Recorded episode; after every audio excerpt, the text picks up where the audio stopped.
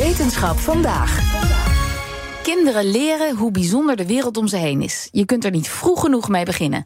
En daarom brengt New Scientist vandaag een boekje uit met 100 dierenfeitjes voor het hele gezin. En wie daar ook heel blij van wordt, is wetenschapsredacteur Carlijn Meinders. Hey Carlijn. Hi. Staan er nog dingen in die jij uh, nog niet wist? Zeker, ja. Je zou bijna verwachten van niet. Uh, we hebben toch al aardig wat besproken in deze rubriek. Uh, maar er staan in dit boek met de titel Hoe vang je een kangoeroe? Genoeg dingen die ik niet wist, uh, maar die ik zeker vanaf nu ga onthouden. Het boek was een idee van Fenna van der Gient, redacteur en boekencoördinator bij New Scientist. En dus heb ik haar even gevraagd om haar favorieten op een rijtje te zetten voor ons. We beginnen bij de pinguïn.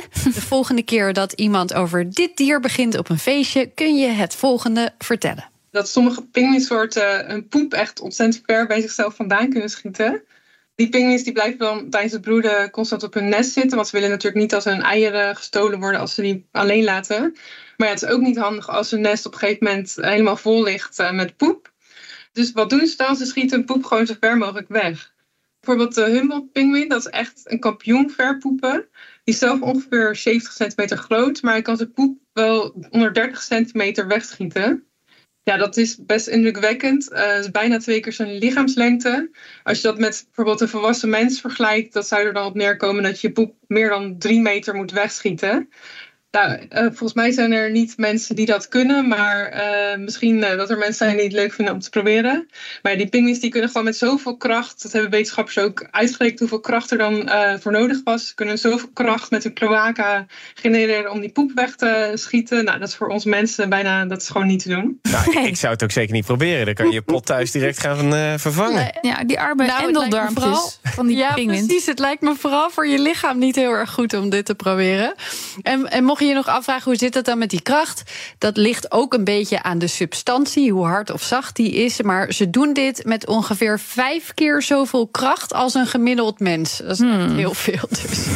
Um, gaan we van de pinguïn naar de albatros? We weten al heel lang dat bij dieren homoseksuele relaties net zo goed voorkomen als bij mensen. Nou, een heel leuk voorbeeld daarvan is dus dat ze op Hawaii een kolonie albatros hebben ontdekt.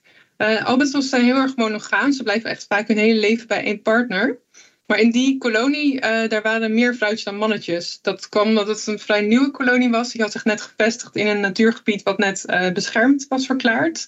En vrouwtjes die zijn wat avontuurlijker dan mannen. Dus die zijn meer geneigd zich in zo'n nieuw gebied te vestigen.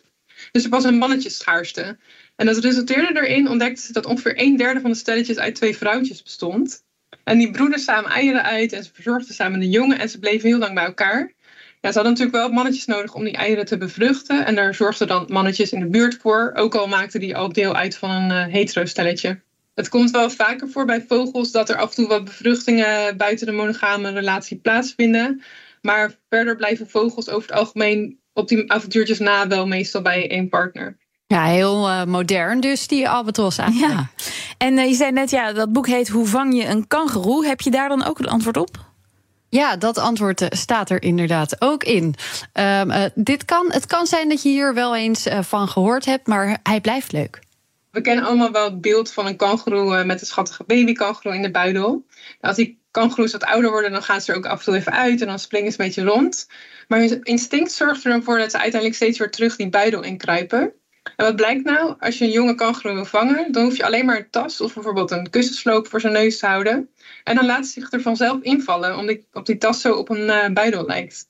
En wat extra leuk is, is dat je ook uh, kangoeroe-opvangcentra hebt, waar ze dan bijvoorbeeld zieke kangoeroes verzorgen. En dan hebben ze al die jonge kangoeroes in een kussensloop aan een hek hangen, zodat ze lekker in een uh, nepbuideltje kunnen zitten. Oh, wat schattig. Lief, toch? Ja. ja. Werkt wel alleen voor de kleine kangoeroetjes dan. Ja, ja, ja, dit zou ik zeker niet bij een volwassen kangoeroe proberen. Die, uh, die kunnen namelijk trappen met een kracht van 344 kilogram. Dat kan ook dodelijk zijn, al zijn de paarkangeroe gerelateerde menselijke doden die er per jaar zijn in Australië voornamelijk het gevolg van botsingen met dieren op de weg. Ah. Uh, gaan we van de kangeroe naar de platvis. Een platvis is plat, zoals de naam al zegt, en die leeft op de bodem van de zee en hij heeft twee ogen aan dezelfde kant. Maar wat misschien veel mensen niet weten, is dat die vis zijn leven begint net zoals tussen aanhalingstekens een gewone vis, of een rondvis eigenlijk. Die heeft aan elke kant één oog. Dus als hij geboren wordt, heeft hij dat. En dan ongeveer twee weken, dan begint zijn oog aan de linkerkant, dus zijn linkeroog begint langzaam naar de rechterkant van zijn kop te verplaatsen. En dan op een gegeven moment steekt hij als het ware over en dan zitten ze aan dezelfde kant. En tegelijk wordt hij ook steeds platter. En uiteindelijk gaat hij dan met de kant zonder ogen op de bodem liggen. En dan krijgt de kant met ogen ook nog een schutkleur, zodat hij dan niet zo goed opvalt. Nou ja. ja. Lijkt me heel gek. Dan zit je gewoon een beetje om je heen te kijken, glijdt je ja. linkeroog ineens weg. Uh, dit is dus bijna altijd het linkeroog. Maar waarom het vooral het linkeroog is, dat verplaatst dan, dat uh, weten we nog niet precies. Oké. Okay. Nou, wij kunnen weer even vooruit op verjaardagsfeestjes. Ik ga heel veel indruk ja. maken bij de kinderen vanavond, denk ik. En um, ja, waar ja. vinden we dat? Ja, we hebben er nog maar vier gedaan. Dus uh, nog 96 dierenweetjes te vinden in het boek. Ik zal even een linkje op bnr.nl slash wetenschap vandaag zetten. Dankjewel, Carlijn.